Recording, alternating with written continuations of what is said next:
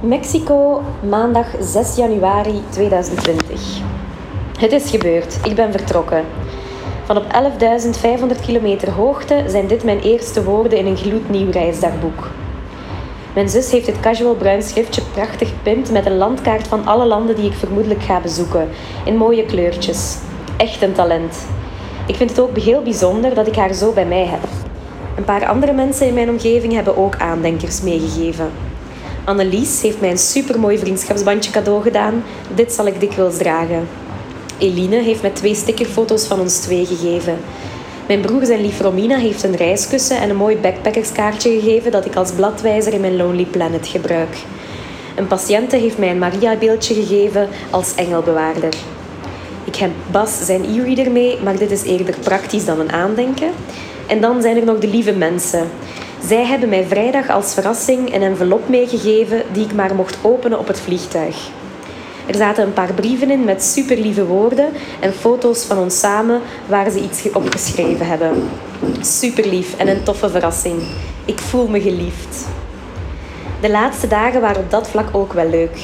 Quality time met vrienden en familie combineren met het leegmaken van mijn appartement en het maken van mijn rugzak. Annelies, mijn zus, mijn ouders en grootvader werden een beetje emotioneel bij het afscheid. En ik ook. Gisteravond zei mijn mama nog dat het afscheid goed ging meevallen, omdat ze mij na een aantal weken toch komen bezoeken. Maar deze morgen op de luchthaven waren het dan tranen met tuiten en de woorden dat ik erna toch echt wel een tijdje thuis moest blijven. Ze zegt dat ze door de grote ongerustheid toch een aantal jaar van haar leven verliest. Ik begrijp het wel. De laatste dagen voor ik zo vertrek en nu ook weer, krijg ik van die algemene angsten dat er iets slechts zou gebeuren. Ik moet me dan behoeden dat ik die angsten niet verkeerd interpreteer als een voorgevoel. Alleszins, het soms afscheid nemen alsof ik nooit meer zou terugkomen, helpt niet voor dat gevoel. Maar ik ben vertrokken.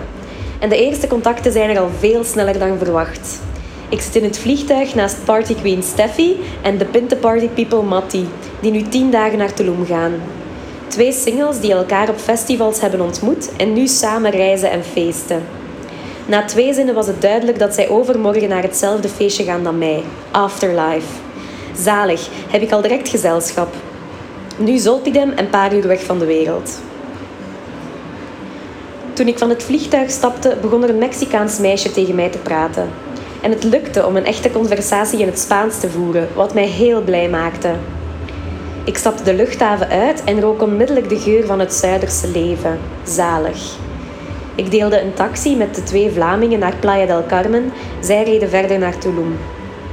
Er is wel al een groot probleem komen opduiken. Ik ken de code van mijn visa niet.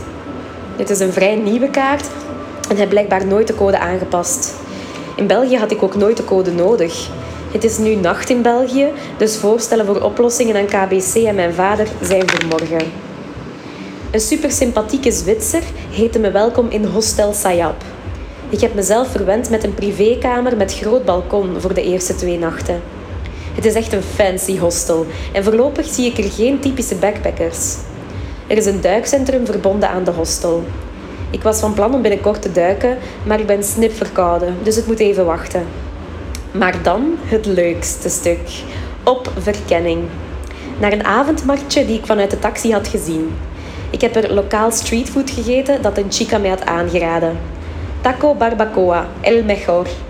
Taco met lang getrokken rundvlees. Ik zet mijn ecologische principes dus even aan de kant om deze cultuur te ontdekken. Met nog iets pikants en avocado.